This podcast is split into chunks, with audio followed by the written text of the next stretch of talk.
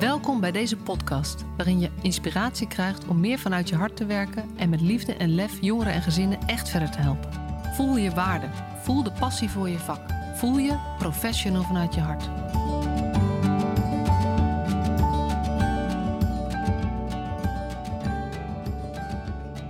Wat ontzettend leuk dat je weer luistert. Dit is weer een nieuwe aflevering van de Professional vanuit je hart podcast.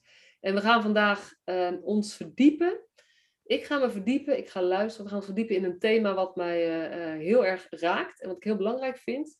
Uh, en dat gaat over pleegzorg. Pleegzorg, gezinshuizen, op een bepaalde manier ook residentie.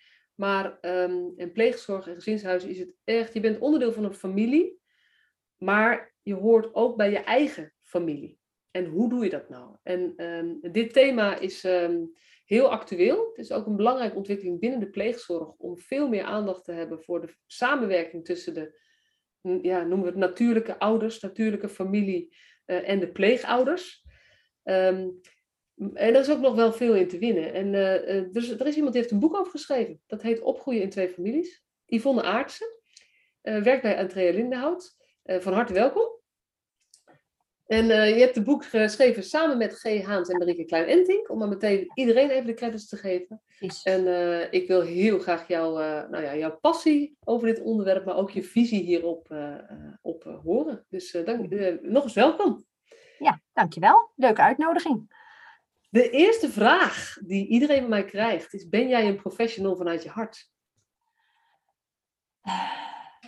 Ik vroeg me af um, of je een professional uh, kunt zijn uh, zonder je hart. Ik geloof niet dat je in dit werk, in de zorg is algemeen, maar in de jeugdzorg, uh, wilt werken, dus ook zou kunnen werken, zonder die verbinding die je hebt tussen je, tussen je hart en wat je van daaruit eigenlijk ontwikkelt qua kennis en mogelijkheden en hoe je dat ziet. Maar voor mij heeft het hart heeft heel erg te maken met um, ja, eigenlijk uh, dichtbij zijn. En dichtbij zijn kan op heel veel manieren. Uh, dat kan zijn dat je iets volgt zonder dat je daar een actieve deelname aan hebt. Um, maar ik denk dat dichtbij heeft voor mij misschien ook wat te maken met beschikbaar zijn. En dat is, denk ik, net als in een opvoedsituatie. als de kinderen weten dat je in huis bent, zeker als je pubers hebt, is dat eigenlijk wel genoeg. Je zit beneden, je rommelt wat, je kookt. Ze roepen af en toe iets. Je hoeft niet meer op hun kamer. Je hebt niet de continue nabijheid als met het jonge kind. Maar je bent wel in huis of heel dichtbij. En dat kan uh, heel erg genoeg zijn voor de kinderen. En ik denk dat in het werk het ook gaat om die balans in nabijheid. In een aantal situaties ben je net als met het jonge kind 24-7. Uh, en in een aantal situaties is het genoeg om te weten dat je er bent als het nodig mocht zijn. Ja. Nou, dat is voor mij eigenlijk ja. jij de associatie met ben je een professional vanuit het hart. Ja, ja het is ook heel mooi en ook heel. Um, het gaat dan weer zo over uh, dat het niet is wat jij fijn vindt, maar ook dat het aansluit bij wat, wat bij de ander past. En dat vanuit je hart werken of, of professional vanuit je hart zijn, mhm je moet een goede verbinding met jezelf hebben om ook dat ego-stukje uit te kunnen schakelen of even te kunnen herkennen en te kunnen op pauze te kunnen zetten of opzij te kunnen zetten, hoe je blokkeren, welk woord je er maar aan geeft, om uit te kunnen reiken en nabij te zijn op een manier die voor de ander goed is. Ja. En dat hoor ik heel erg in wat jij zegt, van, want het lijkt een, een makkelijk antwoord. Het gaat over dichtbij zijn. Maar het vraagt heel veel zelfbewustzijn om dat op een goede manier te doen, volgens mij. Ja, nou, en ik denk wat je zegt, raak je ook meteen iets anders. Uh, wat natuurlijk in het werk, in de zorg, maar ook in het onderwijs uh, speelt. Hè? In je interactie uh, met de ander gaan ook emoties ontstaan. En dat raakt ook aan heel veel dingen van jouzelf als persoon. Hè? Dat kunnen oude triggers zijn, of er kunnen dingen zijn waar je heel anders over denkt dan die ander. Dus er gebeurt ook eigenlijk in, in elk contact gebeurt er ook iets met jezelf. Uh, je hebt in jouw boek uh, wat mooie tekeningetjes uh, gebruikt en dat, dat geeft veel kracht. ik heb ze altijd wel in mijn hoofd, maar ik kan nog geen, geen rechte lijnen tekenen. Maar ik zie altijd wel een soort driehoek, waarin als een professional, waarin er is een, een één poot is de persoon. En je bent verbonden met het beroep. Hè? En je doet dit binnen een organisatie of een maatschappelijke context. En die driehoek, ja, alle elementen raken elkaar. En dat gebeurt natuurlijk niet lineair. Nee. Dat, het, je, je, je kunt je beladen voelen door een opdracht die er misschien maatschappelijk is rond je werk. Of het, je denkt, maar hoe doe ik dat als, als persoon? Want uh, ik snap hoe ik het functioneel moet doen, maar het raakt mij zo, of het haalt mij zo onderuit. Dus ja, zelfbewustzijn, ik denk dat reflectie uh, je heel erg helpt. Contact met anderen, daar ook open over durven te zijn. Uh, ik kan eigenlijk wel huilen. Dat heb ik wel eens dat ik in de auto zit en soms er zoiets is geraakt kan worden. Dan huil ik even naar huis. Heel zachtjes hoor. Maar um, dat niet andere automobilisten denken, wat gebeurt daar? Uh, ik denk dat dat ook niet erg is. Als je ook wel bij jezelf kunt kijken. En wat maakt nou dat ik hiervan huilde? Was ik al moe? Wat zit in het verhaal van dat kind? Voel ik onmacht? Ligt het misschien ook niet bij mij? Kan ik dat niet verdragen? Ja, ik, het wel, soms um, is het zo moeilijk om iets te beschrijven wat je eigenlijk bedoelt. En mhm. ik, de woorden die jij er nu aan geeft, uh, het gaat, voor mijn gevoel, je hebt een soort van professionaliseringsslag gehad. Weet je, professionalisering met de, um, de, de, de, beschreven interventies, de, de effectieve interventies en de richtlijnen. Mhm. Die heel erg gaan over wat we doen en hoe we het doen. Ja. Maar er is nog een poot, voor mijn gevoel, die onderbelicht is. En, dat is, en, en die noem ik dan meer vakmanschap of zo. Mhm. En dat is ook wat jij volgens mij, uh, waar jij het nu over hebt. Dat is van, weet je, hoe, hoe, jij bent ook mens. En om dit werk goed te kunnen doen, moet je vooral ook mens zijn. Maar dat wel op een manier uh, kunnen binnen je werk, dat, uh, dat jij jezelf managt. Ja, manage klinkt dan verkeerd, maar dat jij voor jezelf zorgt. Ja, ja, ik denk dat, um, dat je dit ook leert uh, door het contact met die ander. Ja. Dus maar is het iets wat, gaat dat leren, um, uh, is dat automatisch? Of is dat iets waar je echt wel voor moet kiezen om dit ook aan te gaan?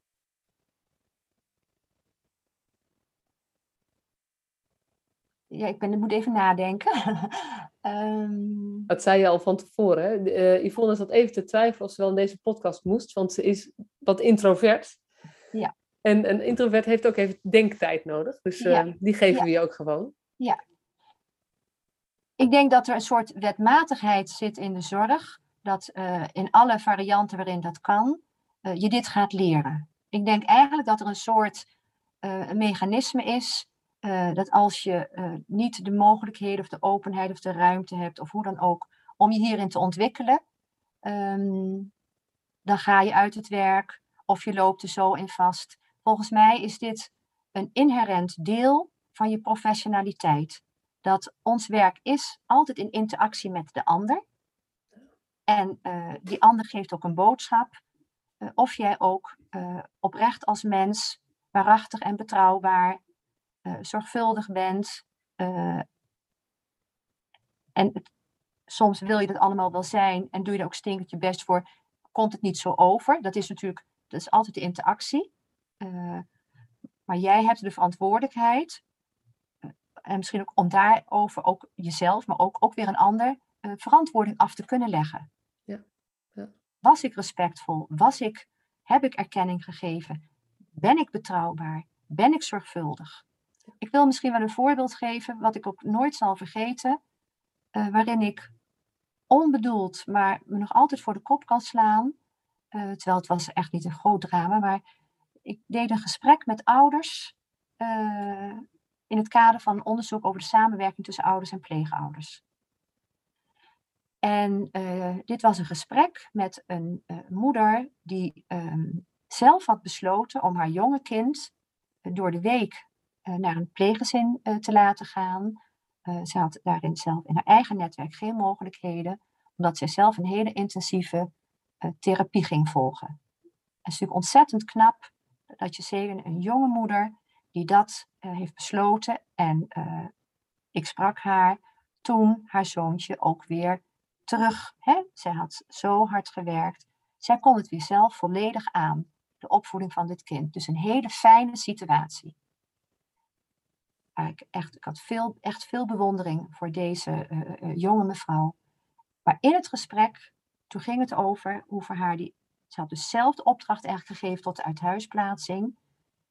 Hoe ze dat gedaan had, waar dat uit ontstaan was en dergelijke. En, hoe dat moeilijk het toch ook voor haar was geweest toen die dan voor een heel groot deel bij pleegouders woonde. Om, om, nou, hoe, hoe, hoe moeilijk die, dat uiteindelijk in de praktijk het voor haar was geweest. En ik gebruikte het woord, ik weet niet meer in welk zinsverband, van, ja, kun je dat, ik zei iets van, ja, kun je dat dan accepteren? Nou, in dat leuke gesprek, ze vloog op alsof ik er met een mes had gestoken. Ik had zoiets pijnlijks gezegd tegen haar. En eigenlijk had ik dat, want ik had naar haar geluisterd, eigenlijk had ik dat kunnen weten. Dat ik dat woord niet had moeten gebruiken. En gelukkig was ze zo ruimhartig dat ze mijn excuses uh, kon horen. Hoewel, terwijl ik had haar echt bezeerd. Ik had haar geraakt op een plek die voor haar nog echt een wond was. Met dat ene woord. In een gesprek van vijf kwartier. Haal, doe je dan één woord en dat is leren. Kijk, je maakt je excuses en het was niet het groot drama. Maar ik denk, dan is de reflectie dat ik de volgende keer denk, ik moet nog beter luisteren. Om aan te kunnen sluiten bij het verhaal van die ander. Nou, en dat is denk ik, heeft te maken met verantwoording nemen voor wat je doet. Ja, ik, ja je, je verhaal raakt mij ook weer. Ja. um, want dit is waar het zoveel ook misgaat. Uh, en, en dan heb je zo die twee kanten, dat, dat meeste, verreweg de meeste professionals doen echt hun best om goed te luisteren. Maar zoveel ouders en kinderen voelen zich niet gehoord en begrepen. Nee. En um, dat lijkt wel een onoverbrugbare kloof. En dit is ook, uh, nee, als je mijn missie plat slaat. Ik, ik verbaasde me erover toen ik in de jeugdzorg kwam werken, uh, 25 jaar geleden dat de meeste klachten gingen over bejegening.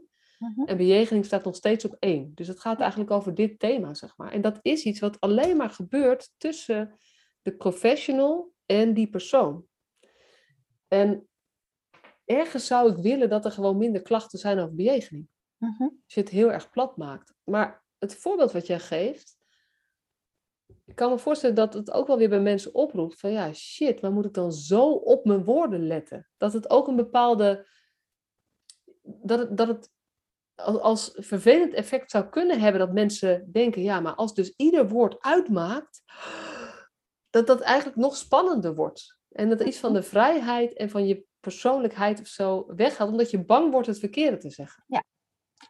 Nou, dus ik denk goed dat je dat noemt, omdat, ehm, eh, kijk, wat er gebeurde in dat gesprek was, omdat ik excuses kon maken en zij dat kon ontvangen, want dat gebeurt. Ik zei het natuurlijk ook niet om haar te kwetsen of wat dan ook. En omdat we daarover konden hebben, ontstond er daarna een nog beter gesprek. Dus uh, ik denk dat het ook om gaat is als je dat realiseert, totaal onbedoeld, dat je ook dat kunt bespreken. Want kijk, de taal is ons voertuig. Naast gelukkig steeds meer creatieve middelen hè, en uh, tekeningen en wat dan ook, maar de taal is ons voertuig. Maar ik praat in de bus met de buschauffeur, uh, in de supermarkt uh, met de cashier, met mijn buren uh, als we tegelijk thuiskomen. Het is allemaal taal, taal, taal. En dan in het werk hè, vraagt dat dat ik diezelfde taal op een andere manier kan benutten. Dat is heel subtiel. En dat betekent niet dat je op eieren moet gaan lopen. Want ik denk daarmee doe je ook onrecht aan die ander. Want die ander kan ook teruggeven, dat is geen fijn woord wat jij gebruikt. Nou, ik was haar ontzettend dankbaar. Dus ik bedoel, alleen aan te geven, ik, vanuit het stukje, ja, durf naar jezelf te kijken. En ik heb dit gewoon mee kunnen nemen in mijn volgende gesprekken met ouders. Dat ik dacht, nou dat woord, ja. Maar je gaat wel gesprek aan en soms spiegel je of soms gebeurt er ook iets. Maar kun je ook, kun je ook het daarover hebben. Ja, en dat, is, dat, is, dat herken ik ook heel erg hoor. Dat, dat, je zei ook, daarna had ik nog een beter gesprek met hem. Dat is eigenlijk het moment van een intensere ontmoeting. Precies. En als jij dan gewoon ook eerlijk en, en mens en nou ja, weet je, ben je kwetsbaar. In ieder geval laat je iets van jezelf zien. En dat je, dat je ook zegt van joh, dat had ik gewoon anders moeten doen. En dat, kan, dat betekent niet dat je door het stof gaat om je excuses aan te bieden. Maar wel dat je vanuit je hart zegt, ja shit, ja. dit had ik niet zo moeten zeggen. Nee, niet in deze context. Nee. Ik bedoel, en, en dan is, want ik zeg, dan is een woord als accepteren, is iets wat je misschien wel twintig keer op een dag gebruikt in allerlei. Dat is ook, dat zegt iets over de ingewikkeldheid van ons werk. Hè? Ons taal is voertuig. En, ehm, maar het is, kijk, ik denk het is helemaal wat jij zegt. Het gaat over die bejegening. Dat is ook waar natuurlijk in ons uh, uh, boek, hè, wat we echt met z'n drieën hebben geschreven. Ik ben blij dat je het zijn inleiding, maar ik wil het nog even zelf ook noemen. Het is geschreven met G. Haans en Marieke Klein-Enting. Het is echt van ons drieën. Um, dat we zien. Uh, oh, oh, ik heb iets gedaan. Oh, dat geeft niet. Je beeld valt weg. Het beeld viel weg. Praat lekker door over je boek. Ja, oh sorry. Nou, het beeld is echt weg. Um, dat, dat natuurlijk ook in de samenwerking tussen uh, ouders en pleegouders uh, tot ruis kan leiden. Maar wat heel erg helpt is als pleegouders zich realiseren dat onder die taal een houding waarin je uitstraalt naar ouders, dat ze gewoon heel belangrijk zijn voor het opgroeien van de kinderen, voor de beleving hè, van hun kinderen, met hun plek hebbend in het pleeggezin en dat je het samen wil doen, dat draagt natuurlijk heel erg bij aan dat, dat, dat die contacten ook goed blijven lopen. Ik ben even in de war, want ik wil je bent toch... mij kwijt, denk ik. Ik ben hoe kom ik er nou weer in? Nou, er zit waarschijnlijk dan een schermpje voor. Dus als je dat scherm nu wegklikt, ik denk dat daar. Misschien heb je iets openstaan. Hij vraagt get on the guest list. Nou, ik zal het niet. Ik nee. zie jou nog gewoon namelijk. Dus oh, oké. Ik zie jou okay. en ik hoor je. Alleen je ziet mij niet meer. Nee. Dat is natuurlijk heel jammer, dat snap ik. Nee. Sorry, zeg het mij ik klikte even per ongeluk op iets dat ik het dan niet kan herstellen. Maar oké, okay, ik laat het, Masha. Ik Doe zie net of we gewoon aan het bellen zijn. Dit is Precies. gewoon lekker van oud, we zijn aan het bellen. Precies, vertel. Ja. Nou, wat je zei, dat ja. raakt me wel echt wat je zegt. Um, want we kunnen het dan hebben over taal. Het is zo belangrijk om de juiste taal te spreken. Maar dat is waar als het, als het voortkomt vanuit de houding dat je de taal wil gebruiken waarbij je de ander erkent. Die houding die eronder ligt, want anders ja, dan, dan kunnen we gaan zeggen, ja, maar dit zijn woorden die je wel moet gebruiken, dit zijn woorden die je niet moet gebruiken. Eigenlijk is taal is het zichtbare, of het hoor, niet zichtbare, het hoorbare gevolg mm -hmm. van een, een soort houding. Ja. Ja. En dan zie je, dat, dat weten we, dat weten we. Hè, er zijn, uh, heeft uh, er zijn een, aantal onderzoeken over de samenwerking tussen ouders en gezinshuishoudens, ouders en pleegouders. Uit al die onderzoeken komt hetzelfde materiaal naar voren. Uh, het is, dat kunnen we ook begrijpen als je kind voor kort of lang niet bij jou kan wonen, niet bij jou kan opgroeien en die opvoedtaak ligt, ligt elders of ligt deels elders. Dat is een ontzettend een groot verdriet voor mensen. Want je, je krijgt kinderen om ze zelf groot te brengen en uh, hè, te helpen naar zelfstandigheid.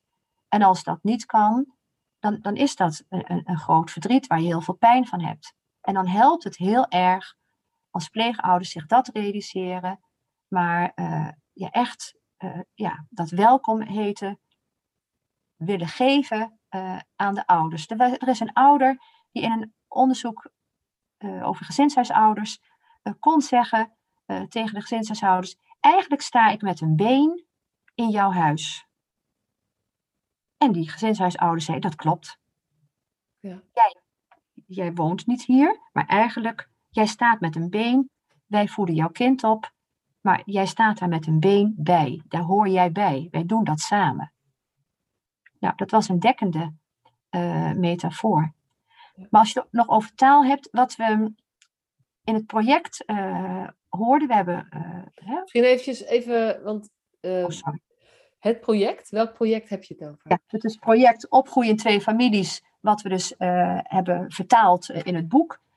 In dat project wilden wij de verschillende perspectieven van ouders, pleegouders, eigen kinderen, pleegkinderen en jeugdzorgwerkers uh, verkennen uh, over die opdracht. Hè, als we het hebben over opgroeien in twee families, waar heb je het dan over? En we hebben met al deze de groepen, individuele interviews, gezamenlijke bijeenkomsten, uh, deze gesprekken gevoerd aan de hand van thema's als ouderschap, opvoederschap. Dekken die woorden de lading? Welke woorden passen voor jou? Houden van, zorgen voor, maar ook loyaliteit. Um, en wat in een van de eerste bijeenkomsten met ouders naar voren kwam, was de uitspraak dat een ouder zei, en hij sprak voor zichzelf, maar zei dat speelt misschien wel voor meer ouders. Wij willen ook dat uh, de pleegouders uh, van onze kinderen houden en hen opvoeden, uh, net als de eigen kinderen. Dat vinden we, daar zit altijd een verdriet van ons aan, maar wij gunnen ook ons kind dat het die liefde krijgt van de pleegouder. En toen wij dit citaat deelden met pleegouders, uh, gaven pleegouders aan hoe ontzettend belangrijk en uh, waardevol het voor hen was om zich dat te realiseren. Dat die ouder, die misschien een aantal dingen heel moeilijk vindt in het, in het ook een stukje loslaten van die opvoedingstaak, dat wel daaronder als basisgevoel heeft. Ja, precies. en, en daarmee zit natuurlijk ook de, ehm, een van de dingen waar we gewoon naar op zoek zijn, uh, is hoe komt het nou dat er ook in pleeggezinnen gezinshuizen zo'n hoge breakdown is? Hè? Dat 30, 40 procent van de, de plaatsingen, en dat, dat verschilt natuurlijk wel, dat dat toch niet lukt. En dat uit onderzoek ook naar voren komt dat een van de cruciale factoren is de samenwerking tussen ouders en pleegouders. En als je dieper gaat kijken, ook de toestemming die een ouder kan geven aan zijn kind om op te groeien in dat pleeggezin. En dat is eigenlijk wat in de notendop hier gezegd wordt. Ehm, alleen, eigenlijk alleen als ouders dit kunnen voelen, mhm. ondanks hun eigen pijn of onder hun eigen pijn, eh, en het kind, hun kind kunnen gunnen om, des, om, om in een liefdevolle omgeving op te groeien, dan heb je een soort van basis om elkaar te gaan uh, vinden en te gaan zoeken naar, maar hoe doen wij dat dan samen? Mhm. Het kan ook zijn uh, dat pleegouders uh, door hun open houding naar ouders, uh, ouders hierbij gaan helpen. Omdat ze blijven ervaren, ik blijf gewoon belangrijk in het leven van dit kind. Dus we zien ook plaatsingen en daarin spelen pleegouders echt een sleutelrol. Um, dat ouders zich daardoor, daardoor ook kunnen gaan uh, ontwikkelen in, oké, ik had het liever zelf gewild.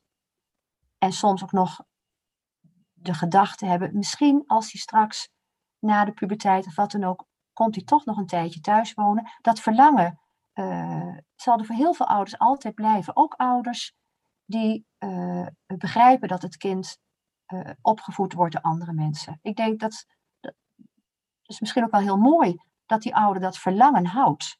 Hè? Om, om zelf ook voor dat kind te willen zorgen. Maar het helpt heel erg als oude, pleegouders ja, die handreiking blijven doen naar de ouder. Je hoort erbij, jij maakt deel uit van het leven van dit kind. Uh, daar, daar zoeken we elke keer onze mogelijkheden voor. Dat helpt ouders natuurlijk ook heel erg om hun weg ook te vinden in deze situatie. Dus het feit dat soms in die eerste fase van een uithuisplaatsing, of misschien de eerste paar jaar, dat niet mogelijk lijkt, dat kan wel groeien. Ja, want eigenlijk, weet je, mijn verwoording was een beetje van, hé, hey, die toestemming is voorwaardelijk om het te laten lukken. Maar dat klinkt bijna als, weet je, dat, alleen dan zou je zo'n plaatsing over moeten gaan. En wat jij eigenlijk aanvult is, ehm, onder andere ook, denk, maar dat is weer mijn interpretatie, maar, maar door de angst om hun kind echt kwijt te raken, is het heel moeilijk voor ouders om die toestemming te kunnen geven. En het helpt heel erg en het is ook vaak nodig dat zij eerst ervaren, ik raak niet mijn kind kwijt als die in een pleeggezin of gezinshuis opgroeit. Alleen er zijn nu andere mensen die voor hem zorgen. Ja. En dat dat voor hen, want dat kan ook de angst verminderen. En als die angst vermindert, dan pas kunnen ze komen tot het geven van die toestemming. Ja. Ja. En de, het zoeken is daarin naar altijd van wat kan er wel in het contact. Er zijn echt, we kennen gelukkig heel veel situaties waarin ouders bijvoorbeeld meegaan naar een ouderavond. En op die manier zelf ook samen met die pleegouder rechtstreeks horen van die leerkracht hoe het gaat met het kind. Ja, hoe fijn is dat voor jou als ouder, als jij niet dagelijks je kind om je heen hebt, om wel in dat soort momenten bijvoorbeeld uh, te, te, blijven kunnen volgen hoe het kind gaat in de, in de schoolsituatie. Er zijn situaties waarin moeder en pleegmoeder samen de zwemles doen. Want dat kan wel. Ja. Dus dat, dat hopen wij ook eigenlijk uh, vanuit ons boek te hebben meegegeven. Uh, uh, blijf daar naar zoeken. En natuurlijk kinderen veranderen, wat soms kan in een lage schoolfase. Daarin verandert een kind hè, als het naar de, naar, naar de middelbare school gaat. Dus kinderen veranderen daarin, ouders veranderen, pleegouders veranderen, gezinssituatie. Maar als je dat als uitgangspunt met elkaar kunt blijven nemen, wat kan er wel? Het was heel mooi, een, een pleegmoeder, het voorbeeld staat ook uh, in het boek, maar zij uh, heeft een hele goede samenwerking met moeder. er is ook regelmatig contact, ze wonen niet ver. Het meisje kan ook eigenlijk zelf, zeker één keer per week, zelf even langs bij moeder. dat is ook heel erg belangrijk voor deze moeder. Maar deze pleegmoeder, die ziet het meisje naar, naar de middelbare school gaan en is een heel zelfstandig kind. En die nam daar moeder in mee. Die zei, voor ons alle twee gaat zometeen spelen. Uh, hè, voor jou als moeder, voor mij als pleegmoeder. Ze wil niet meer de hele middag bij ons zitten. Dus ja, misschien straks bij jou, uh, dat ze niet een hele middag langskomt, maar gewoon even een half uurtje. Want als ze nu uit school komt, komt ze ook niet meer een hele middag. Gaat ze ook na een half uurtje naar boven. Dus zij nam daar, deze moeder, hè, op een hele mooie manier uh, in mee. Waardoor dit meisje verandert daarin door haar leeftijd op eigenlijk een hele natuurlijke manier te dragen bleef voor deze moeder.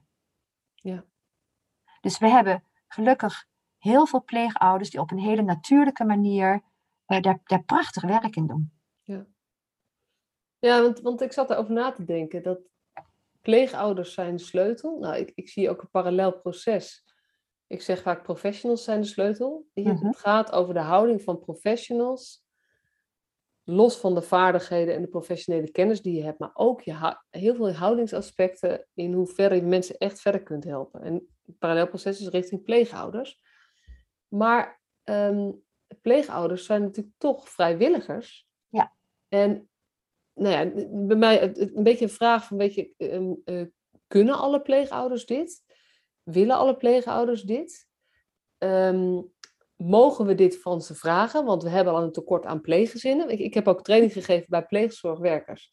En dit was een van de grote bezwaren die kwam. Ja, het klinkt allemaal goed en aardig en ik snap het in het belang van het kind. Maar we hebben tekort aan pleeggezinnen. En, er zijn een aantal, als ik hier, als ik meer van ze ga vragen in het contact met ouders, dat de kans groot is dat ze afhaken. Ja. Ja, ja dat, is, dat, is, dat herken ik heel erg. Uh, we hebben natuurlijk verschillende bijeenkomsten met uh, uh, pleegzorgwerkers gedaan, zowel bij Andrea Lindenhout als bij Sterk Huis. en daarin werd dit ook als, als dilemma of een spanningsveld aangedragen. we hebben ook te maken met situaties die gegroeid zijn, waarin er dus niet zo die open houding is, of er lang geen mogelijkheden waren voor contact tussen ouders en kinderen. Um, en dan lukt dat niet in alle situaties uh, om dat nog voor elkaar te krijgen. En hoe ver ga je dan erin? Dat, ja, dat, dat is een spanningsveld. Wij denken wel dat dit, maar dat is vanuit echt ook de visie van uh, Andrea Lindenhout, dat dit wel het uitgangspunt is. Het kind brengt zijn eigen familie mee in zichzelf in wie hij is, waar hij vandaan komt, ehm, maar ook in, in hele concrete praktische vorm. Van ouders, broertjes, zusjes. Ehm, oh, ik moet even de. Sorry, ik moet even de kabel erin doen, als het gaat de stroom uit. Ja. Zo gaat dat hè, met het opnemen van een podcast. Het gewone leven gaat gewoon door. Ik heb het ook al een keer gehad. Ja, excuus. Niet van gerealiseerd. Techniek geeft veel mogelijkheden. En af en toe kost het even vertraging, maar dat geeft niet. Hey, Ik ga je even een, uh, als introvert een soort van uit je schulp, uh, nou niet uit je schulp is het verkeerde woord, maar even uitdagen. Want je zegt het is de visie van Entree Lindenhout. Mm -hmm. Maar is dit, het is niet de organisatie. Iemand, en samen met een aantal mensen ben je hiervoor gaan staan. Want is dit ook niet gewoon jouw visie? Ook op basis van het onderzoek wat je gedaan hebt, dat het zich verder ontwikkeld heeft en dat, je, dat, het, nou ja, dat het nog meer is waar jij voor bent gaan staan of bent gaan herkennen. Ja, kijk, uh, ik werk zelf al ruim uh, 40 jaar, langer dan 40 jaar in de uh, jeugdzorg en ook eigenlijk altijd in de pleegzorg. En dit is voor mij altijd het uitgangspunt geweest. Dus in die zin, het, het gaat erom dat we gelukkig daar veel meer uh, gesprekje over hebben. En dit niet meer de uitzonderingen zijn, maar dit de regel wordt. En daar probeer ik op mijn manier een bijdrage in te leveren. En dat onderzoek wat we uh, gedaan hebben en de samenwerking tussen ouders en pleegouders, heeft daar heel veel materiaal voor bijgedragen. Want hè, wat je zegt, we weten dat een belangrijke breakdown factor heeft te maken met ja, uh, samenwerking tussen ouders en pleegouders. dus dat is natuurlijk een hele belangrijke drive om te denken, oké, daar kunnen we dus heel veel zaken in verbeteren, ook om die breakdown omlaag te halen. Maar het gaat mij dan niet alleen om de breakdown, maar natuurlijk ook om ja, de kwaliteit die je, die je kinderen gunt, dat als ze naar een uithuisplaatsing ook of dat nou voor kort of lang is, uh, opgroeien in een tweede familie, dat dat wel een gezamenlijke wereld kan zijn. Ja. Dat dat geen gescheiden werelden zijn. Dat weten we ook vanuit alle kennis, daar is heel veel materiaal natuurlijk over verzameld, over echtscheidingssituaties. Uh, als dat voor de kinderen een gezamenlijke wereld blijft, uh, is dat heel positief voor hun ontwikkeling. En die vergelijking, er zijn, er zijn dus grote verschillen tussen, maar die vergelijking kunnen we echt doortrekken. Het is voor kinderen uh, niet goed om in één gezin te leven en dan in het andere gezin te komen voor de weekend of door de week. En dan mag je niet praten over dat andere gezin. Of dan mag je niet vertellen dat je het daar leuk hebt gehad, of lekker hebt gegeten, of uh, het gezellig had. Ja. ja. Nee, precies. En, en, ik vind het wel mooi hoor, want het, het is ook. Uh, ik weet ook dat Entrea Lindenhout uh, is natuurlijk al heel erg lang ook bezig met het ontwikkelen van die pleegzorg. Ook echt deze kant op. En met het onderzoek wat jullie gedaan hebben, ook samenwerking met, uh, met de CHE, ja. maakt dat er meer, uh, meer, ja, meer bewijskracht of zo, of meer ondergrond gekomen is, nog meer. Want dit is de kant die we echt op moeten. Ja. En die, waar niet alleen, wat niet alleen een leuke visie van Entrea Lindenhout is, of een leuke visie van Yvonne Aartsen, mm -hmm of van G. Haans, die er ook heel veel in gedaan heeft, al uh, zeg maar daarvoor. Ja. Maar wat ook, um, uh, nou ja, niet alleen fijn is als dat uitgerold wordt of breder gedragen wordt, maar wat ook noodzakelijk is als wij pleegzorg en gezinshuiszorg uh, willen verbeteren. Ja. En als we, echt, als we daar echt eerlijk naar willen kijken van, hé, hey, we doen een heel veel dingen goed, maar op, nou ja, eigenlijk is dit een heel groot, nou nog een beetje onontgonnen gebied, waar we dingen echt beter moeten gaan doen. Ja, en kijk, ik weet, eh, dus ik begrijp, we hebben een tekort aan pleeggezinnen. Uh, gelukkig hebben we uh, de landelijke campagne hè, Open je wereld. die heeft hier ook mee te maken. De boodschap is aan pleeggezinnen, als je pleeggezin wilt worden, dan betekent het dat je leven zoals je dat nu hebt ingericht verandert. Er komt een familie bij. En het, en het kan ook betekenen dat jij naar die familie hè, van het pleegkind toe gaat. Je krijgt niet een pleegkind in huis. Je kiest voor een familie waar een kind kort of lang niet thuis van kan wonen. Ja. Daar, dat, dat is de keuze. En het kan echt niet zo zijn, een kind binnen en uh, deur dicht of uh, heel mondjesmaat of wat dan ook. Nee, uh, die band die dat kind heeft, heeft het nodig dat die ook gevoed wordt. Dat, die er ook mag zijn. En dat is dan, we hebben, we hebben natuurlijk heel veel situaties die ook echt niet makkelijk zijn, maar het principe is, je kijkt erin vanuit wat kan wel. Ja. En dat is niet alleen vanuit de bril. En natuurlijk moeten pleegouders het doen, daar heb ik ook diep respect voor. Ik zie alleen, dat wil ik wel noemen, in het onderzoek wat we gedaan hebben, hebben we dus gekeken naar uh, goed lopende samenwerkingen en uh, moeizaam lopende samenwerkingen. Uh, en ik heb dus rond een aantal kinderen, de ouder, de pleegouder en de jeugdzorgwerker gesproken. Dus die drie rond een bepaalde groep kinderen. We hebben ook de goed lopende en de moeizaam lopende samenwerkingen met elkaar vergeleken. Als je nou kijkt naar een aantal factoren hè, rond kind en situatie. Kijk, de goed lopende samenwerkingen zijn niet makkelijker dan de moeizaam lopende samenwerkingen. Maar het zijn de pleegouders die het lukt om, zoals ook de CHE zegt, om eigenlijk een relatie aan te gaan met die ouders en familie. Ja. En die relaties die zijn soms ook aan stormen onderhevig. Of periodes dat het maar even iets minder is, omdat dat, nou ja, vanuit het aantal. Maar dan altijd weer met de hoop, zodra dat weer kan, pakken we weer op dat wat mogelijk is. Ja. En dat vind ik een ontzettende kracht van die hele groep uh, pleegouders die hier invulling aan geeft. Want het is hard werken, maar ze doen het wel. Ja, en dat is ook, um, er zijn praktische bezwaren die het soms ingewikkeld maken. Maar de, de focus op wat kan wel maakt ook dat je, nou, als je iets niet wil, vind, zoek je excuses. Als je iets wel wil, zoek je mogelijkheden. Ja.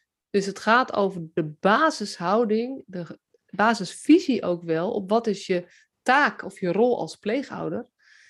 Als die uh, is van, hé, hey, maar dit kind hoort gewoon bij zijn familie en dat wil ik ook dat dat zo blijft, dan ga je op de een of andere manier vrijwel altijd mogelijkheden vinden voor wat onmogelijk lijkt. Maar als je eigenlijk ten diepste je afvraagt of het wel goed is dat het kind contact heeft met deze Ja. familie, waar die zo ontzettend onrustig van wordt, want kinderen kunnen heel heftig reageren qua gedrag op ontmoetingen met hun, hun ouders, dan, vind je ook, dan zijn er allerlei argumenten en redenen dat het niet kan. Ja. Dus zo kom je het vaak tegen in de praktijk. Maar, maar eigenlijk gaat het over doorvragen. Want uiteindelijk heeft vaak een, een reactie op zo'n soort voorstel van... Goh, zou het niet een idee zijn om eens een keertje met deze ouders af te spreken op een andere plek? Dat jullie met het kind ergens anders heen gaan? Dan heb je pleegouders die, Mhm. die dat vrij gemakkelijk kunnen organiseren. Ook al hebben ze een druk gezin. En je hebt pleegouders eh, die zeggen... Ja, maar dat kan niet, want ik heb ook andere kinderen. En als je dat gaat afpellen... heeft het eigenlijk met die grondtoon te maken of zo.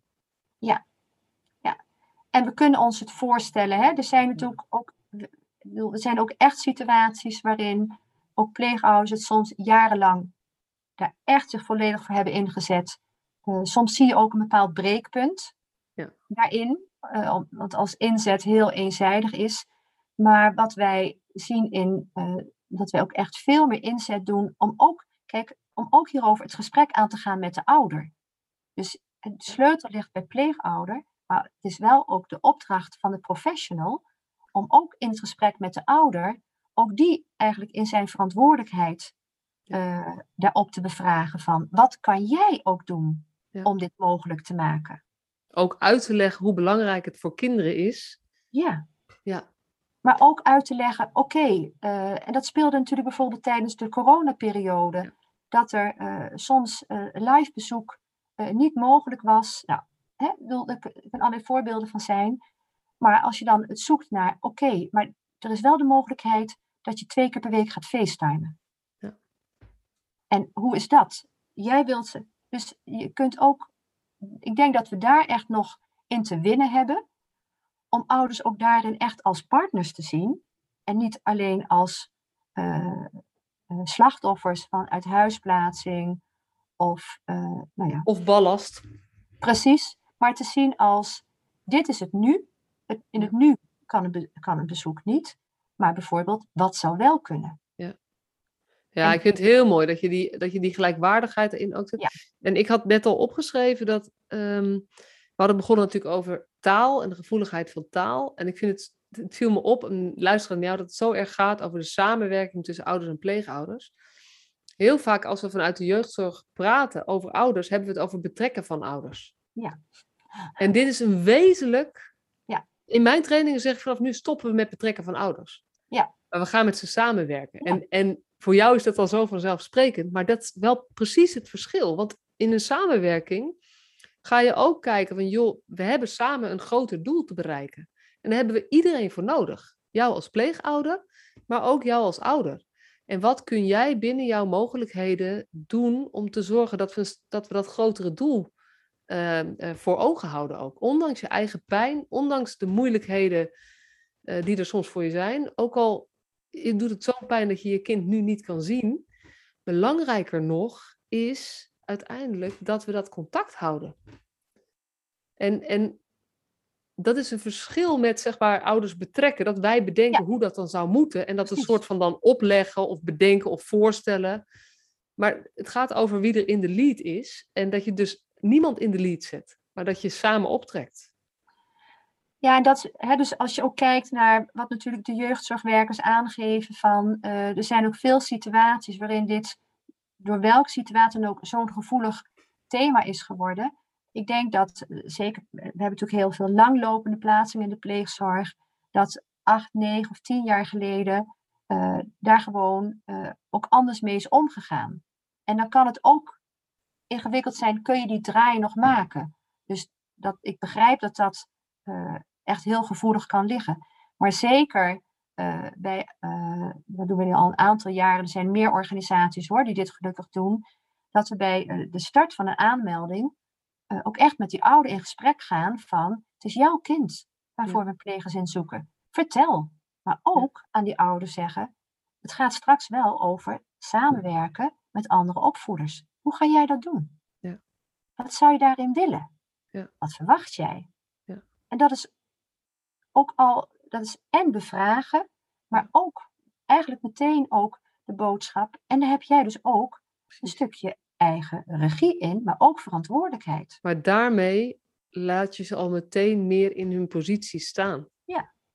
En ik vind wel, het raakt me ook wel wat je zegt, want inderdaad, langlopende eh, pleegzorgtrajecten, het is heel moeilijk om dat radicaal anders te doen. Maar ik geloof er wel in dat je juist bij die trajecten kunt kijken naar, oké, maar hoe kunnen we het nou eens 5% meer doen? Ja. En het hoeven namelijk geen grote stappen te doen. Maar laat het feit dat geen grote stap gezet kan worden, niet een excuus worden dat we het laten zoals het is. Want ik denk dat deze visie ook juist bij langlopende trajecten, nou, soms zijn het graduele verschillen of kleine verschillen, ehm, eh, eh, kan betekenen die heel veel, heel veel uitmaken op de lange termijn. Ja. Ja. En ik, ik vind het leuk om dat voorbeeld even, dat vertelde ik net al aan jou, hè, dat ik aan een Mhm. gezinshuisouder, ik gaf een training, een gezinshuisouder, en die, ehm, nou ja, die, had, weet je, die werkte natuurlijk samen met, met de eh, families. Maar goed, soms is dat heel ingewikkeld. In dit geval was het een jongetje, die kwam uit ehm, eh, Bulgarije. En eh, zijn moeder was wel in Nederland, maar die was verslaafd, dakloos, psychiatrisch. Moeilijk contact mee te krijgen. En de rest van zijn familie zat in Bulgarije. En ehm, D66 ouders heel erg aan het puzzelen, hoe kan ik dit nou vertalen? Hè? Want hoe nou die 5% bij dit kind, hij kan niet bij zijn ouders en die familie kan... Eh, eh. En haar vertaling is geweest, ik moet zorgen, dit jongetje was nog, nog jong, was zeven of zo. Ehm, ik moet zorgen dat dit jongetje Bulgaars spreekt.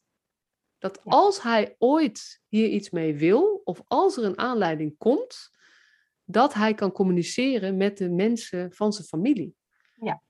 En dit vind ik zo'n prachtig voorbeeld, want dan kunnen we heel erg in het afdwingen gaan kijken. Oké, dus we moeten zorgen dat die moeder er wel is. En moet ik dan naar Bulgarije toe met het jongetje? Maar daar zitten ze helemaal niet. op. En dat is helemaal, dan, dan zit je in de moeilijkheden te denken. Ja. En ik vond dit echt een prachtig voorbeeld van het toepassen van dit gedachtegoed op een complexe situatie waarbij de oplossing niet is, we laten ouders meer doen. Of we nemen ouders mee naar een schoolgesprek. En ik denk dat in, juist ook in die langlopende eh, eh, trajecten, waar al op een gegeven moment een soort van modus gevonden is, die we zo houden, dat daar heel erg moeite waard is om te kijken naar de modus en te, en te denken, hé, hey, maar als we naar de lange termijn kijken, zijn er dan nog dingen die we kunnen doen zodat we die, mhm. die verbinding versterken voor de lange termijn? Ja. En het, het is mooi dat je het zegt, hè? Kijk, uh, al kunnen we maar uh, 5% opschuiven. Uh, onze ervaring is dat als je dit gewoon ook zo open legt, uh, je krijgt, het lukt niet in alle situaties, maar we kunnen wel inderdaad het vergroten waarin we op zo'n manier, en zeker ook met, met kinderen zelf, hè, dat is ook nog een punt. Zeker met pubers, ook, ook met de kinderen zelf, hierover voldoende in gesprek gaan. Hoe is het voor jou? Ja. Wat, wat kun jij erin? Hoe kunnen we ook de kinderen daarin meenemen? Dat is, um, en dan is social media uh, dan is er misschien geen contact, om welke reden dan ook. Maar dan vinden uh, jongeren en ouders soms wel een manier via social media. Ja. Nou, en dat kan ontzettend voldoende zijn ja. in een bepaalde leeftijdsfase. Ja. En misschien niet helemaal wat die ouder graag zou willen, of wat wij als professionals denken, maar wel misschien wat hanteerbaar is uh, voor, een, voor een jongere in een bepaalde fase. Ja. Wat ik ook nog wil noemen is, uh, hè, want we hebben het heel erg over die samenwerking tussen ouders en pleegouders, die eigen familie. Dat, um, daar was al eerder uh, ook onderzoek naar gedaan, hè, naar de positie van ook de eigen kinderen van pleegouders. Daar heeft ons boek ook nog weer toch wel een, een aanvulling of een verdieping opgegeven. Dat we, als je nou kijkt hè, van wat hebben we nog te leren en te ontwikkelen in de pleegzorg, dan heeft dat ook wel heel erg te maken met die hele positie van de eigen kinderen. En zeker ook naar het stuk van ouders. Want wat je eigenlijk, uh, wat we, zagen eigenlijk in, in alle uh, gesprekken die we hebben gevoerd, uh, er is wel meer aandacht nu, gelukkig de laatste paar jaar, over de positie van de eigen kinderen, van pleegouders en de grote rol die zij spelen hè, in, bij een plaatsing. Als je het hebt over bekendheid of contact tussen ouders en de eigen kinderen, dan is dat eigenlijk bijna nihil. Je bedoelt de ouders van het pleegkind en de eigen kinderen van het pleeggezin? Ja. Mooi, ja. En dat, dat heeft echt. Uh, ja. En als het echt gaat over je hoort, wij horen bij elkaar, is het heel onnatuurlijk en heel kunstmatig dat dat er niet is. Precies, en dat, ja. uh, ook dat hoef je niet heel groot en ingewikkeld te maken. Nee. Maar dat lijkt natuurlijk wel in, in, in, uh, in, in, beide groepen tot, ja, als er geen contact is, dan ga je het dus doen, dan, dan gaat beeldvorming ontstaan die nooit wordt hersteld. Ja. Want je ziet de ander niet, dus je hebt een beeld, maar dat wordt niet hersteld of rechtgezet of aangepast, omdat er ook uh, contact. Dus bijvoorbeeld heel veel ouders hebben toch het idee dat het met die eigen kinderen van de pleegouders dat loopt allemaal vanzelf en fantastisch. Ja, ja dat, is allemaal, dat zijn allemaal ideaalbeelden. Ja. En uh, pleegkind of eigen kinderen hebben eigenlijk vooral vraagtekens naar, ja, maar waarom woont dat kind niet thuis of waarom is dit zo? Ja. Dus dat vind ik wel, ja. dat, dat ja, hebben de gesprekken ons echt wel geleerd. Ja. Van, uh, wees daar, geef daar aandacht uh, voor hoe, hoe, hoe ook dit gewoon uh, ja, op een andere manier gaan invullen. Ja, dat is wel een leuk idee, want ik had uh, jouw mede-auteur Marieke natuurlijk aan de telefoon. En uh, ik zei ook tegen haar, nou misschien moeten we wel twee podcasts opnemen. Dus, dus ik weet dat zij ook ja. in dat stuk heel zich nou ja, ehm, verdiept heeft en geraakt ja. is daardoor. Dus dat lijkt me heel erg leuk om, om dat later een keertje met haar nog wat meer uit te diepen. Want dat is, is überhaupt, het speelt natuurlijk best breed ook. Als je kijkt hoeveel gezinshuizen we nu hebben, hoeveel pleeggezinnen er nu zijn. Dat is wel heel interessant. Ik heb nog, we zijn eigenlijk door de tijd heen, maar er is één vraag die, ik, die mij puzzelt en waarvan ik hoop dat jij met jouw wijsheid, en dat is dat de combinatie van, uh, van ervaringsjaren en ook kennis, jij, dat jij het licht op, op, op wilt laten schijnen. Ik ben zo doordrongen aan het raken van het belang van die verbinding tussen een kind en het netwerk waar die vandaan komt, waar die bij mhm. hoort, familie, dat ik um, het steeds moeilijker vind om te horen dat er vanuit, nou ja, dat is, heeft een juridisch kantje, maar ook, er wordt door gezinsvoogdijeninstellingen ook wel uitge, uh, uitgevoerd, dat er een opvoedbesluit is waarbij gezegd wordt, dit kind gaat niet meer terug naar ouders, gaat opzoek, op, opgroeien in een pleeggezin bijvoorbeeld, mhm. waarbij je komt tot bezoeksafspraken van één keer per half jaar, een uurtje of twee uurtjes. Of één keer per drie maanden één uurtje begeleid bezoek. En dat gaat over best wel jonge kinderen ook. Mhm. Ehm, en mijn hoofd, in mijn hoofd past het niet. Het als ze zeggen, we willen dat het kind, het is belangrijk voor het kind dat hij ook een band heeft of opbouwt of behoudt met zijn eigen ouder, hoe ingewikkeld dat soms ook is.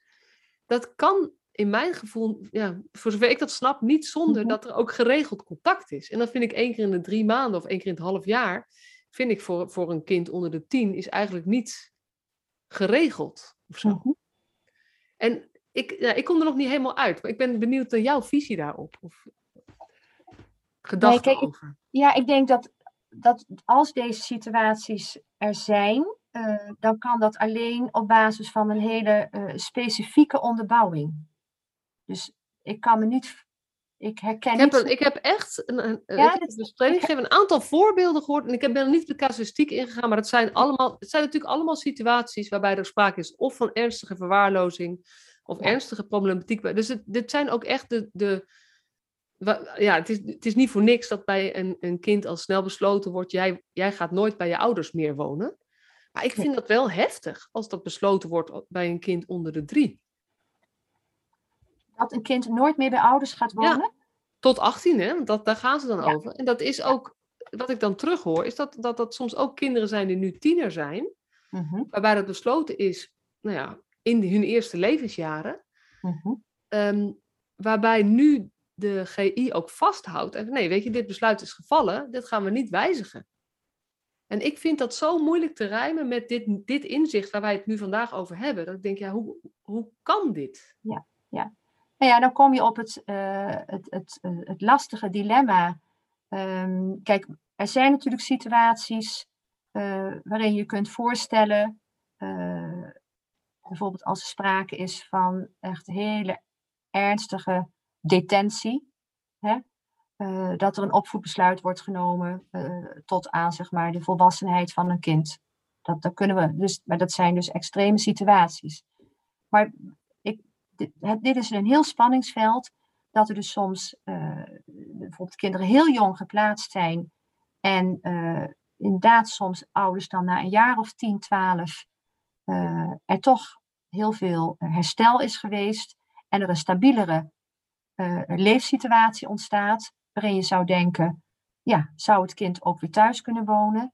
En dan is er die hele afweging van hoe is nou die hele ingroei van dit kind Hè, en waar is zijn basale hechting? En wat betekent het dan voor het kind ook als je hem, en dan misschien ook in een toch wat uh, niet makkelijke leeftijdsfase, hè, richting puberteit, als er dan gesproken zou worden over uh, verandering van het opvoedbesluit.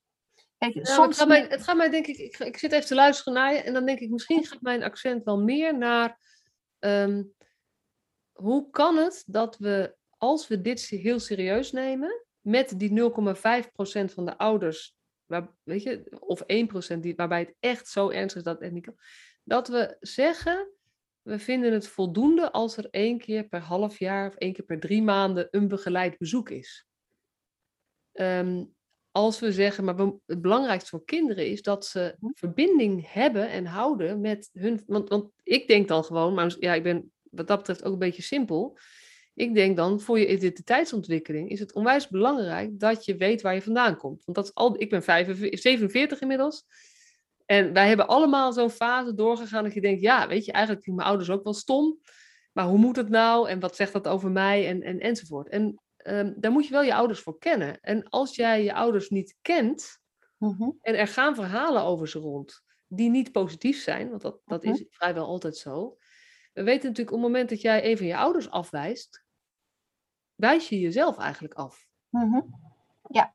En voor mijn gevoel, met hoe het nu gaat in dit soort situaties, nogmaals, de, de allerextreemste gevallen wellicht uitgesloten, maar dat zijn er echt maar heel weinig. Heel vaak is het onvermogen. Eh, ik zie je ook een beetje bedenkelend kijken. Maar het, weet je, het, het, zijn er minder.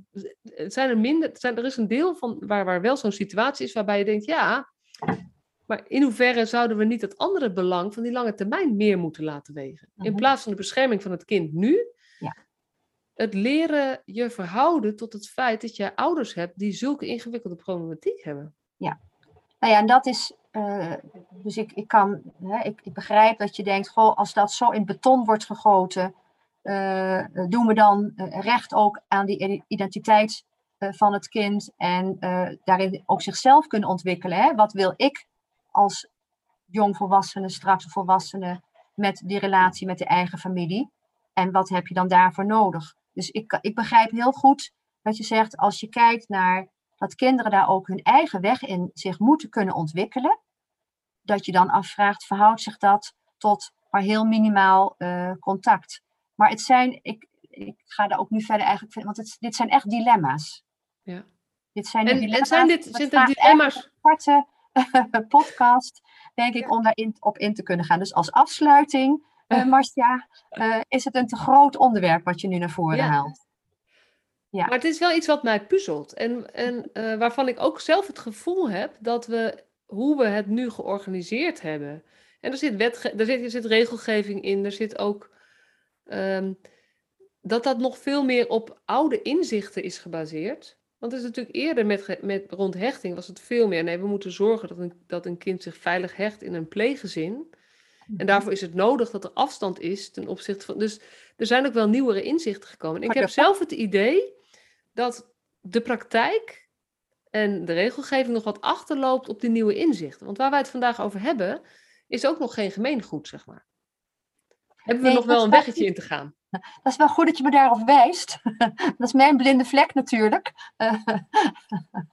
Want ik denk dat dit toch wel, eh, hè, zeg maar, wat wij in het boek geschreven hebben, eh, eh, algemeen goed is in de jeugdzorg. Dus nee hoor, ik weet dat best, Marcia. Maar het is altijd goed dat eh, eh, dat, dat nog eens naar voren wordt gehaald.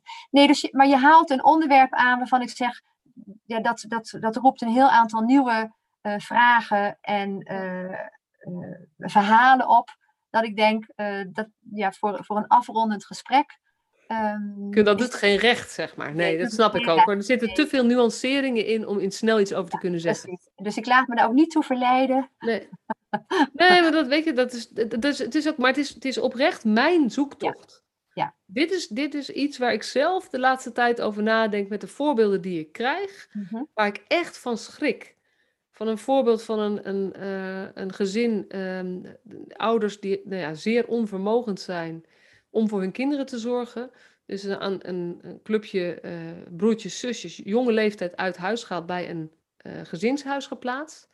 Waarbij de bezoekafspraak letterlijk is één keer in het half jaar. Mhm. En ik, ik vind het moeilijk te begrijpen. En eh, weet je, voor de korte termijn snap ik het wel. Maar ik zie ook dat dat gewoon kan blijven voortbestaan heel gemakkelijk. Tenzij iemand is die zegt, maar eigenlijk doen we hier toch iets geks. En gaat kijken naar de mogelijkheden. Dus, Ja, eh, nou, dus dat mooi sluit zijn. heel erg aan bij wat jouw lijn... Dat, dat, Ja. Eigenlijk is het belangrijkste van jouw verhaal, is weet je, dit thema... Het is zo belangrijk dat we met z'n allen de focus gaan verleggen... niet naar wat is er aan de, van wat is er aan de hand... maar eigenlijk naar wat zijn de mogelijkheden. Ja. En als we dat doen, dan is eigenlijk mijn vraag ook minder... dan wordt mijn vraag ook minder eh, prangend. Dat is denk ik ook het lastige aan. eh, eh, ja, dus nee, je hebt helemaal gelijk. Ik snap hem ook je complexiteit. Want je kan het ook niet, je moet het niet protocoleren. Maar het gaat ook hierin over een houding en niet over een, ehm, wat goed is. Want als je houding altijd is, wij zoeken naar wat er wel mogelijk is. En daarin gaan we op zoek naar, naar, meer, naar meer mogelijkheden. Dan gaat zich dat ook ontwikkelen als het kan. En ehm, kijk, eh, er zullen heel veel situaties zijn die hier nog onvoldoende bij aansluiten. Maar ik ben ook wel blij eh, om, hè, dat je ook noemt, er waren in het verleden inzichten over hechting. Gelukkig, daar heeft Femi Juffer een ontzettende grote rol gespeeld in Nederland. Weten we nu dat die hechting zich niet beperkt tot eh, één of twee volwassenen, maar dat juist een goede hechtingsrelatie betekent dat die hechting hè, echt stevige hechting met meerdere uh, belangrijke volwassenen kan zijn. Dus ik ben ook wel blij. En ook dit onderwerp, al zijn we misschien nog lang niet waar we volledig willen zijn, er is al wel veel meer aandacht voor het belang hè, dat kinderen gewoon vanuit uh, ja, ook voldoende uh, contact zelf zich kunnen ontwikkelen in wie wil ik zijn? Wat is mijn identiteit? Wat neem ik daarin mee van familie, pleegfamilie, anderen en daar zelf hun eigen biografie in mogen invullen. Want dat is, dat is uiteindelijk wel waar we het uh, voor doen. Maar, en daar zijn een aantal dingen voor nodig. En dat is dat ze het gegund worden, uh, dat ze, zowel de pleegouders, ouders als alle familie daaromheen, dat ze gewoon opgroeien in twee families. En dat, dat dat ook gewoon kan zijn. Want dat wil ik nog wel even graag als afsluiting. Uh, pleegkinderen willen net als alle andere kinderen ook gewoon vooral normaal opgroeien. Gewoon dat, dat kwam uit het onderzoek van de stem heel erg naar voren. En nou, ik zou het fijn vinden als deze podcast misschien ook een beetje eraan bijdraagt van het is niet raar om in een pleeggezin op te groeien. Je groeit gewoon op in twee families. Ja. En dat is maatschappelijk gezien, uh, kinderen groeien op in uh, op veel manieren samengestelde uh, gezinnen. En dan groeien ze ook op tot gewoon fijne, hè, volwassenen ja, die, die een goed leven kunnen opbouwen. En dat geldt voor ook heel veel pleegkinderen. Ze groeien gewoon op in twee, in twee families. Ja. Ja. En dat gun ik ze. Ik vind het een hele mooie, hele mooie afsluiting. Dank je wel, Yvonne, voor het delen van al je ervaring en kennis en nuance. Maar ook de, uh, nou ja, de, hoe noem je het, de vurige wens, zeg maar, uh, om dit onderwerp uh, nou ja, uit te vergroten. Want hier, uh, hier kunnen we elkaar echt verder mee helpen. Dus uh, dank je wel. Jij ook heel erg bedankt voor je aandacht en voor dit gesprek, Masha. En als jij de podcast afsluit, probeer ik nog even of we nog beeld krijgen samen. Ja, dat gaan we nog even proberen. Ja, oké. Okay.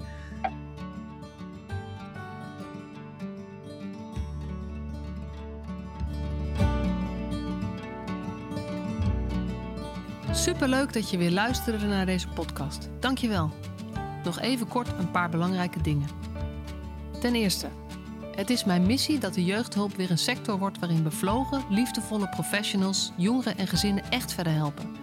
Daarom maak ik deze podcast voor jou. Wil jij deel uitmaken van deze beweging van Professional vanuit je hart, waarin professionals elkaar steeds opnieuw inspireren? Begin dan met het lezen van mijn boek. Je kunt de eerste hoofdstukken helemaal gratis lezen. Ga naar professionalvanuitjehart.nl/boek. Ten tweede, wil je alle podcastafleveringen overzichtelijk onder elkaar? Abonneer je dan op deze podcast. Klik in je podcast-app op de button subscribe of abonneren. En elke keer als er een nieuwe podcastaflevering gepubliceerd wordt, ontvang je automatisch een berichtje. Ten derde, ondersteun je mijn missie? Geef me dan een review via je podcast-app, bijvoorbeeld iTunes of Spotify. Op die manier kan ik nog meer professionals bereiken. En ken je een collega voor wie deze podcast ook interessant is? Dan zou het super zijn als je hem of haar de podcastaflevering doorstuurt. Bijvoorbeeld door de link te kopiëren via Spotify. Ik vind het altijd heel leuk om berichtjes te ontvangen van luisteraars om te horen wat je van een podcast vindt, of als je misschien vragen of suggesties hebt. Of als een aflevering je een bepaald inzicht heeft gegeven of er iets in beweging is gekomen. Stuur me dan even een berichtje op masha.professionalvanuitjehart.nl via de website of stuur me een connectieverzoek op LinkedIn.